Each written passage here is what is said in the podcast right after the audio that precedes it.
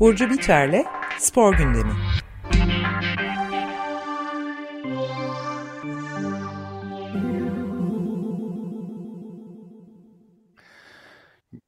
Günaydın Burcu, merhabalar. Günaydın, merhaba. Günaydın. Günaydınlar, merhaba herkese. Spor gündemimizde 100. yıl var Cumhuriyet'in galiba değil mi? Bir de konuğumuz var lütfen takdim eder miyiz? Evet, bu hafta Cumhuriyet'in yüzyılı ve spora odaklanacağız ve e, bu bölümde konuğumuz spor yazarı ve araştırmacı Yavuz Yavuz. Hoş geldin Mer Yavuz. Merhaba, hoş bulduk. Merhabalar, hoş geldin. geldin Yavuz, hoş geldin. E, isterseniz e, bir girizgah yapayım. E, bu programda zaten e, kısa bir sürede. E, aslında Cumhuriyet'le beraber e, spor politikalarında neler oldu, Cumhuriyet nasıl e, sporla nasıl bir etkileşime girdi. E, buna bir kısa kısa bakmaya çalışacağız. E, başlıyorum Yavuz'la beraber. Yavuz'a sorularım olacak ya da beraber bir sohbet etmiş olacağız. Tabii. E, şimdi sporla cumhuriyet yani erken cumhuriyet döneminde aslında beden terbiyesi ve sporun önemli bir devlet politi politikası olarak e, tasarlanmış ve bu politikaların yürütülmesi için resmi kurumlar kurulmuş. E, modern sporlarla beraber e, Cumhuriyet'in aslında çok organik ve iç içe bir ilişkisi var. E, burada işte bireylerin kimlik inşası, benliğinin farkındalığı gibi etkiler açısından e, modern yönetimlerin önemli bir aracı aslında spor. E, Türkiye'de evet. de e, hı hı, Türkiye'de de modernleşmenin ilk yıllarından itibaren e, modern sporlar, e, modern yönetim biçimlerinin yeni yaşam tarzlarının gelişiminde etkisi oluyor ve paralel olarak e, ilerliyor.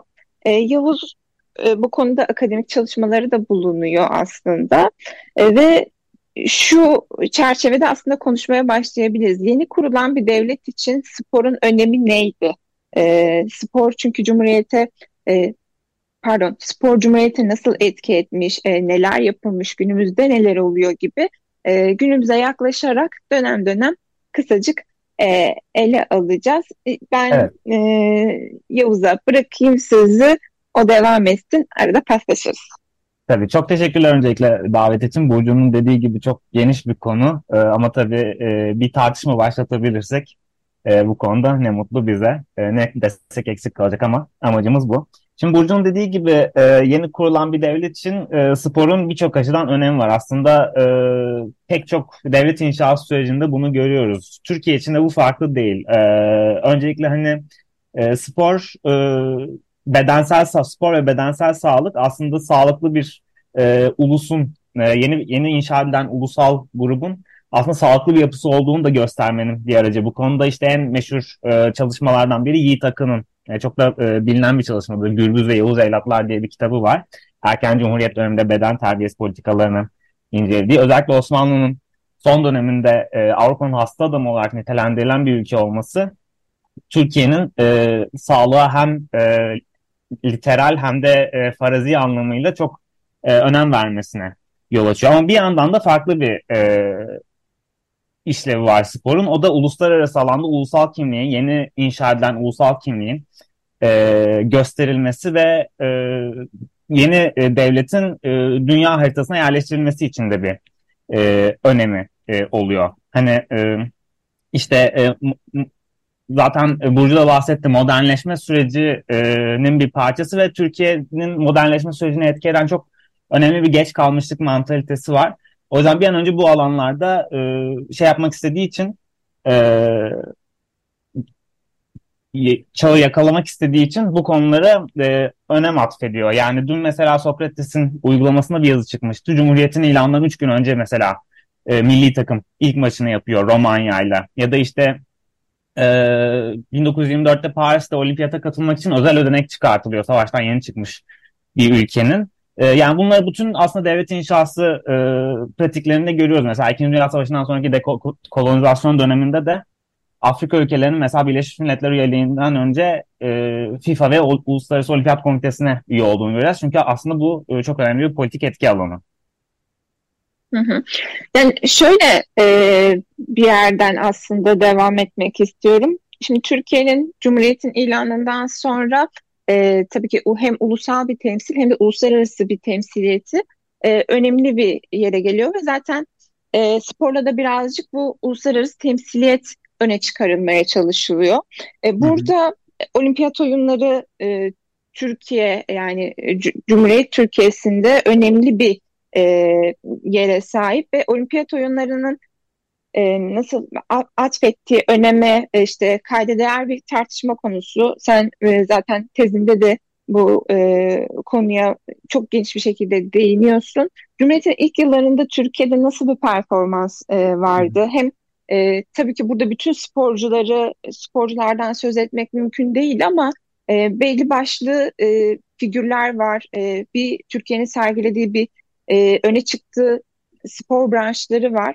E, bunlardan birazcık aslında bahsetmek istiyorum ben de.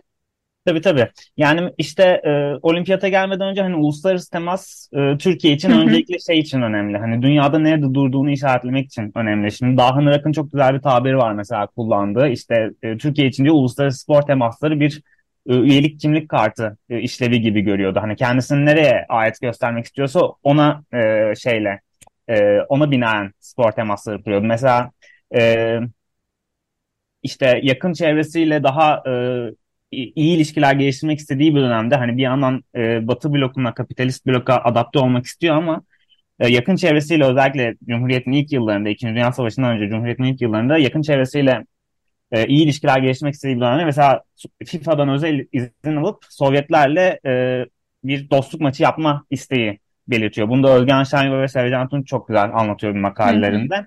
Bir yandan işte mesela e, e, barış yanlısı bir e, ülke olduğunu göstermek istiyor dünyaya. O yüzden mesela Yunanistan'da çok sık spor temasları var. Hatta e, ilginç bir hikaye var. Mehmet Ali Gökaçlı'nın Bizim için oyna diye çok güzel bir kitabı var. Orada anlatıyor. İşte 1931'de Başbakan Venizelos'un bir devlet ziyareti sırasında Olympiakos'ta geliyor. Fenerbahçe ile bir maç yapıyorlar. Ee, bir maç sırasında bir subay Olympiakos kalecisini yumrukluyor. Daha sonra o subay sorgulanıyor işte e, sürgün ediliyor falan filan hani e, bu e, önemli bir e, şey itibar kaybı olarak görülüyor. Evet. Neyse, ama olimpiyata gelecek olursak olimpiyat tabii e, bir anlamda da uluslararası alanda bir karşılaşma alanı. Yani e, Türkiye'nin diyalektik olarak ulusal kimliğini inşa edebilmesi için önemli bir alan. Hem işte e, ulusal grubu, tahayyül ettiği ulusal grubu e, konsolide edecek içeride hem de dışarıda bu ulusal grubun kim olduğunu hatta kim olmadığını e, gösterecek. İşte o yüzden mesela e, 1924'te özel ödenek çıkartılıyor. E, dediğim biraz önce de dediğim gibi Paris'e gitmek için işte e, 1928'de e, de gidiliyor. 1932 tabii Amerika'da olduğu için o biraz uzak ona e, spor alanında gidilmiyor. Ama mesela 1936-1948 özellikle artık başarıların da gelmeye başladığı yıllar olduğu için işte e, özellikle güreş e, alanında e, bu e, olimpiyat önemli bir e, şey aracı oluyor. Ulusal kimliğin konsolidasyonu için önemli bir e, araç haline geliyor. İşte e, 1936'da özellikle işte güreşte Yaşar Erkan ve Mersinli Ahmet'in e, madalya kazanması. Yaşar Erkan hatta e, altın madalya e, kazanıyor e, Greco-Roman e, hafif bisiklet, tüy bisiklette. E, bu önemli bir e, ulusal gurur kaynağı oluyor. Çünkü e, hatta güreşin böyle e, Türkiye'nin e, eski e, Orta Asya'daki kökenlerine falan da referans verilerek işte biz böyle bir, güçlü bir milletiz falan gibi bir e, ulusal gurur propage etme e, aracı haline dönüşüyor. Tabii 1900 e, tabii başka şeyler var. Mesela işte e, modern Türkiye'nin bir yüzü olarak sporcular da şey oluyor, gösterilmeye başlanıyor. Mesela kadın sporcular bunun önemli bir e, unsuru. İşte İlknur Hacı Softoğlu e, şeyde çok güzel bir yazı almış gazete duvarda kadının hareketi diye. Sen de herhalde onu şey vereceksin, link vereceksin e, internet sayfasına. Evet. Orada mesela şeyi anlatıyor. E, kadınların e, u, uluslararası alanda e, yer alan kadın sporcuların aslında modern Türkiye'nin bir yüzü olarak da e, görüldüğünü anlatıyor. Tabii mesela burada şey de söylemek lazım. Bütün sporcular e, şey e, aslında üst sınıf ailelerden gelen sporcular o dönemde. E, hani o anlamda sporun geniş bir tabana yayıldığını söylemek çok mümkün değil erken Cumhuriyet döneminde ama böyle bir işleri de var. Mesela 1948'de e, atletik delegasyona ek olarak bir gazeteci Cumhuriyet Gazetesi gönderiyor Jale Günay. E, o işte e, resepsiyonlara katılıyor, e, şey yapıyor, e, insanlara modern Türkiye'yi bir anlamda tanıtıyor. BBC'de bir Türkçe konuşma yapıyor. E, hani böyle bir e, şeyi var erken Cumhuriyet dönemi olimpiyat katılımının. Hani e, ulusal kimlik inşasında böyle bir e, rolü var. Yavuz ben de bir şey sormak istiyorum arada. Elbette. Araya girerek yani şimdi biraz önce e, çoğumuzun yani en azından benim bilmediğim bir şey bu Olympiakos kalecisinin yumruklanması bir subay tarafından. Bu alenen gerçekleşiyor fakat pek bir e, kayıtlarda hı hı. Medyada çok ele alınmış bir şey olduğunu zannetmiyorum. Az duyulan bir şey. İlginç, çok e, çarpıcı bir örnek aslında. Çünkü herkesin gözü önünde gerçekleşen bir milliyetçi e, saldırı anladığım kadarıyla. Peki ben asıl biraz önce kısmen paylaşma fırsatı bulduğumuz bir yazıdan kalkarak bir şey sormak istiyorum. Yani Yetvart Danzikyan'ın 100 yaşındaki Cumhuriyete nereden bakmalı yazısında söylediği bir şey var Agos gazetesindeki yazısında. Ee, yani e, asli olarak düşünülmesi gereken Cumhuriyeti nereden alıp nereye götürdüğümüz diye ve Hani bu soruya iddialı, e, özgüvenli bir yanıt verebilen de pek yok diyor. Yani her iki dindar iki kesim var diyor. Yani e, Cumhuriyet'in kazanımlarını savunmak isteyenler bilhassa 1950 sonrasındaki muhafazakar hükümetlerin bütün bu kazanımları aşındırdığını ve bu nedenle sıkıntılı halde olduğumuzu söylüyor. Doğrusu AKP hükümetin icraatı da böyle bir argümana gerçeklik payı kazandırıyor. Öte yandan dindar muhafazakar kesimse Cumhuriyet'in kurucu kadrolarının ve onun takipçilerinin bu milletin kültürel, tarihsel değerlerine sırt çevirdiğini, o yüzden Türkiye'nin yıllar boyunca bocaladığını söylüyor. Yani AKP taraftarları da 20 yıllık AKP hükümetiyle Cumhuriyet'in artık olması gereken doğrultuda seyrettiğini öne sürüyor. Bu argümanların her ikisinde de sıkıntı var diyor. Çünkü Türkiye'deki iki büyük düşünce ve siyaset ırmağı yani laik, seküler cumhuriyetçilerle dindar muhafazakarlar ülkeye her zaman laik, laik değil ekseninden baktılar ve bu mücadelenin bir aracı olarak devleti ele geçirmeye, elde tutmaya özel bir önem gösterdiler. Bir kez devleti ele geçirdiklerinde ise önceliği rakiplerini ezmeye verdiler diyor tüm güçlerini bunun için kullandılar ve bu kavga içinde demokrasiye, eşitliğe ve çoğulculuğa hiç yer yoktu. Hep göstermelik kaldı bu kavramlar diyor. Şimdi bu spordaki yansımalarından da nasıl oluyor bu spor yönetimindeki şeylerde e, bir şeyler söylemek mümkün mü? Öncesinde ben de bir e, ufak bir ekleme yapabilir miyim? Sizin e, e, hatırlattığınız birçok şey benim de aklıma biraz Cumhuriyet'in hemen öncesi ve Cumhuriyet işte hani red mi devam mı vesaire tartışmaları vardır evet. ya. Yani İstanbul'un spor tarihinde mesela gayrimüslim takımlar tabii ki şeyde daha önde yani spor e, özellikle kadın sporcular konusunda da Ermeni Rum e, işte takımları spor takımları vesaire önde durur. Cumhuriyet'in ilk yılları e, tabii gayrimüslimlerin hedef alındığı da yani Türk olmadıkları için e, hedef alındıkları e, bir dönem. Dolayısıyla böyle bir spor e, açısından e, baktığımızda böyle bir durum var. Bir de dönemin e, genel havası yani dünyada bir tarafta faşizm yükseliyor, öte, öteki evet. tarafta Stalin ve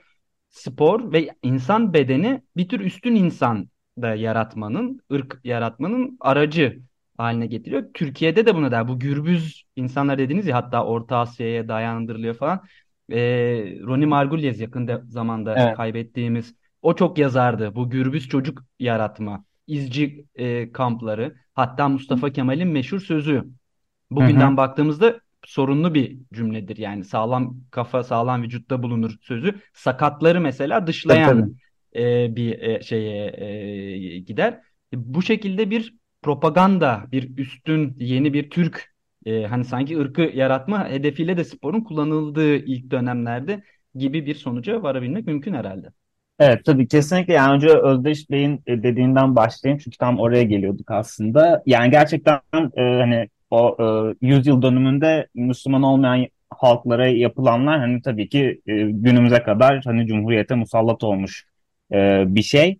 Yani bu, bu, bu dönemde sporda da bunun etkilerini görüyoruz. Tabii e, örneğin işte e, Osmanlı adına olimpiyata e, ilk katılan yani Osmanlı adına katılan altını çiziyorum çünkü 1908'de Ale Komulos var ama o zaman Osmanlı'nın bir olimpiyat komitesi yok. Ee, Osmanlı'nın olimpiyata ilk katılan 1912 Stockholm'e giden e, Vahran Papazyan ve Mıgırdiç Mıgıryan'ın iki Ermeni atletin ulusal anlatıdan dışlanması bunların önemli örneklerinden biri. Robert Koptaş e, onu yazıyordu e, detaylı bir şekilde.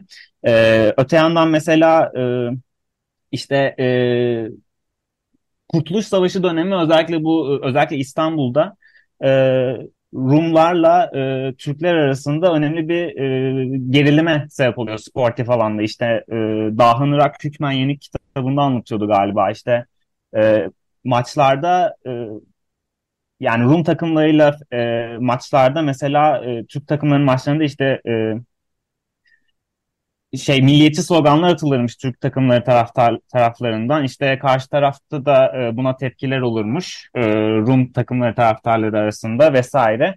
Hani bu e, özellikle spor alanında böyle bir e, gerilimin e, ortaya çıktığı bir dönem oluyor ve bu gerilim artık e, Cumhuriyet'in ilan edilmesinden sonra biraz daha hani e, özellikle e, Anadolu'da e, Müslüman olmayan halkların nüfusunun giderek azalmasıyla birlikte tabii bu spora da e, yansıyor.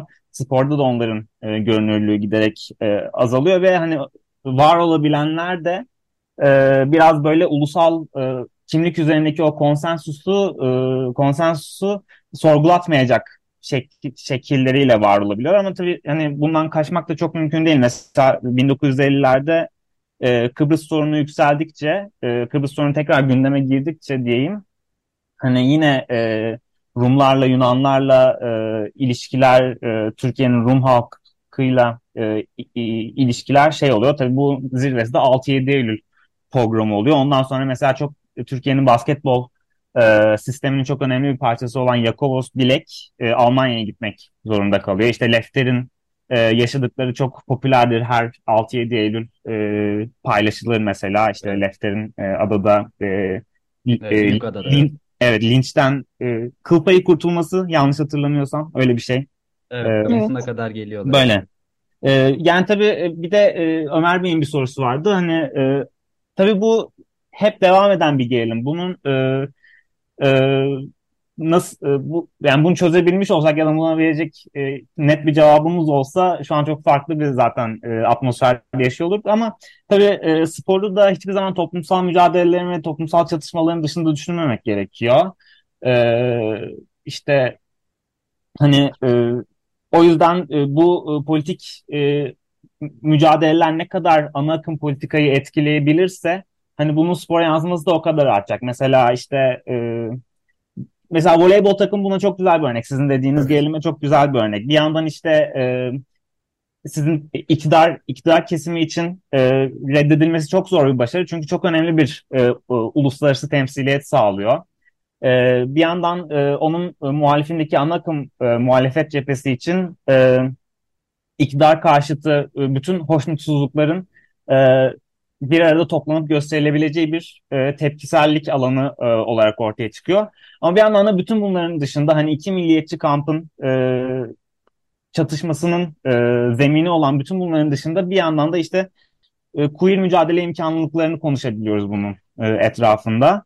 E, hani o yüzden e, politikayla sporu birbiriyle iç içe düşünerek hani bir e, bir e, bunun bir tarafı ne kadar e, genişliyor, ne kadar e, çatışmalarla e, e, çatışmalar deneyimliyor, ne kadar işte mücadeleler deneyimliyorsa diğeri de o kadar deneyimliyor gibi e, düşünebiliriz e, diyorum. Yani şöyle bir şey de var.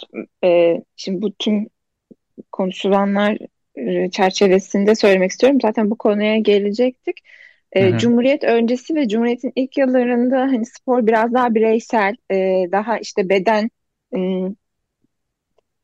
antrenmanı, beden gelişimi üzerinde düşünüldüğü Hı-hı. için daha bireysel sporlar e, yapılıyor. İşte jimnastik, e, eskrim.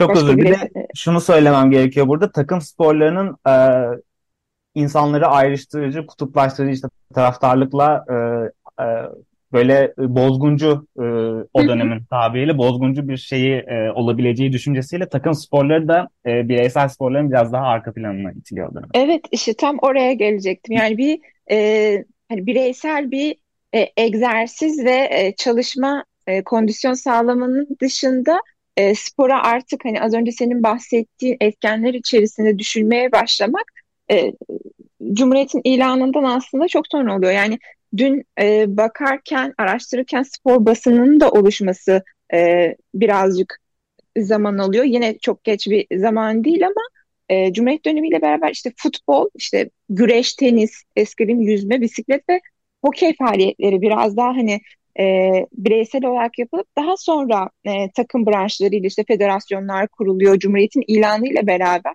ve sonrasında e, başlıyor. Burada aslında sporun rekabet e, ortamı olmasından kaynaklı bir şey olduğunu e, düşünüyorum. Az önce işte Ömer Bey de bahsetti. E, bu bu yapının biraz adapte olması yani sporun rekabetçi ortamının takım olarak, kolektif olarak e, bir e, ulus inşasında ya da bir millette adapte olması belki biraz daha zaman aldığı için yani tamamen e, öngörüde bulunuyorum. Şimdiki voleybol takımımıza örnek verdin. İşte Cumhuriyet'in ilk yıllarında sporcuların temsili ile e, şu anki atmosferdeki temsili arasındaki o farklılık da aslında hani e, takım nezdinde ya da bireysel sporcu olma nezdinde e, değişiklikler gösteriyor ama az önce voleybol takımına örnek verdim. Orada bir takımdan bahsediyoruz ama içerisinden ayrı ayrı oyunculardan da sporculardan da e, bahsedip o politik ortamı ya da e, Cumhuriyet'in o ilk yıllarında politikayla, siyasetin gidişatıyla şekillenen e, sü sürece eski ettiğini şu anda da görüyoruz diyebilir miyiz? diye evet, bir soruya ben, çevireyim bunu. E, ben bir de son 5 e, dakika kalmışken ufak bir ufak ama çok da önemli bir meseleye değinen bir sormak e, soru sormak istedim. Bu Diyarbakır Spor'un ya da Ahmet Spor'un e, çeşitli yerlerde uğradığı ayrımcı muameleden filan da tabi bu demokrasi, eşitlik ve çoğulculuğa dayalı bir cumhuriyet yüzyılında problem yarattığını söyleyebilir miyiz? Elbette elbette söyleyebiliriz. Yine e, önce Ömer Bey'in sorusundan başlayayım. Yani tabii e, dediğim gibi hani hiçbir zaman spor Türkiye'nin e, ulusal gündemi olduğu kadar bölgesel ve küresel gündemden de bağımsız değil. İşte e, 90'lardan itibaren aslında e, her ne kadar dışarıda tutulmaya çalışsa da artık politikanın tam merkezine oturduğu için Kürt sorunu sporun da bir e, parçası haline geliyor. İşte Diyarbakır Spor mesela her ne kadar e, az önce dediğim gibi böyle devletin nasıl diyeyim Kürtleri e, ulusal kimlik üzerindeki o e, konsensusu e, sorgulatmayacak şekilde entegre etmesinin en, e, entegre etmenin bir parçası olarak e, kullanmasının bir aracı e, o, olmak istense de mesela Diyarbakırlılar, Kürtler o, orada bir kendi kimliklerini ifade alanı görüyorlar. O yüzden mesela bu bir çatışma alanı haline geliyor. E, Ahmet Spor işte bunun yeni bir e, aşaması. Ahmet Spor doğrudan işte, işte e, zaten eski Diyarbakır Büyükşehir Belediyespor'du. Daha sonra ismi değişti Ahmet Spor oldu. E, Ahmet Spor e, devletin bu e, müdahalesinden diyeyim azade e, kurulmuş ve e, ilerlemiş bir takım. Ve hani başarılı oldukça da gündeme oturdu. Mesela işte 2016 Türkiye Kupası'nda çeyrek final oynamış. Tam işte çatışmaların en yoğun olduğu dönemde. Öyle olunca tabii hem daha çok sahiplenildi hem de Kürt kimliğini göstermenin sportif alanda çok daha şey ön plana çıkan bir e, alanı haline geldi. E, o yüzden tabii ki bütün bunları yani uğradığı linci saldırı, saldırıları e, bunlardan bağımsız e, düşünmek mümkün değil. E, e, e, şimdi Burcu'nun sorusuna geçeyim ama Burcu kısaca hatırlatma rica edebilir miyim sorunu? Ee, şöyle çok Sesin ama az önce zaten cevaplamış e, kadar Burcu seste Burcu'nun bir sesi gidip geliyor evet. gidip E, ya o geliyor. zaman hani son bir şey söyleyerek hani toparlamaya çalışayım Burcu şeyken hani e, işte e, mesela 2000'ler yani Cumhuriyet'in 100. yılında spor e, alanında artık pek çok şeyden bahsediyoruz. İşte 80'lerden itibaren ortaya çıkan e, neoliberalleşmeyle artık e, şirketlerin, özel sektörün daha çok spora müdahil olduğunu görüyoruz. Ama bir yandan e, devletin e, uluslararası sporu bir e, propaganda ya da işte politik hegemonya inşası aracı olarak kullanmasının çeşitli yollarını görüyoruz. İşte bu bir zamanlar katılımdı. Çok yoğun katılım. Mesela 2012 Londra'da korkunç bir dopingle 114 sporcu e, katıldı Türkiye adına. Hala tarihin en fazla katılımlı e, olimpiyadadır Türkiye adına. Daha sonra bu doping meselesi patlayınca işte spor organizasyonları e, e, na ev sahipliği yapma e, meselesi e, daha çok e, ön plana çıktı. Çünkü mesela bir yandan da hani e, 21. yüzyıl Türkiye'sinin e, politik iktidarının en önemli, etosunun en önemli e, parçalarından biri inşaat. Bu bir yandan da işte yapılı çevreyi e, dönüştürme imkanı verdi. Bu da politik hegemonya inşasının önemli bir aracı. Hani e, göç meselesi var işte transfer atletler üzerine konuşabiliriz. Başka ülkelerden e, Türkiye vatandaşı yapılan atletler üzerine konuşabiliriz. Bunların ulusal kimlik e, tartışmaları nasıl şekillendirdiğine bakabiliriz. Yani da, e, toplumsal cinsiyet var elbette. Yani konuşacak pek çok alan var.